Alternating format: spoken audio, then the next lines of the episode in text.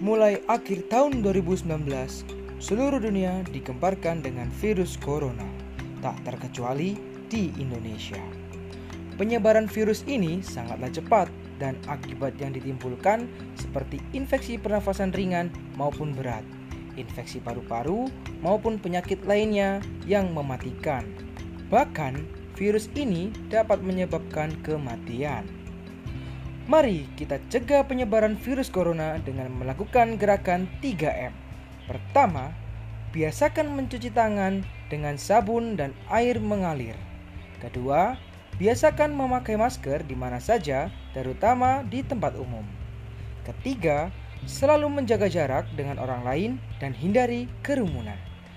Dengan disiplin melakukan gerakan tersebut, kita telah membantu memutuskan penyebaran virus corona. Bersama kita bisa.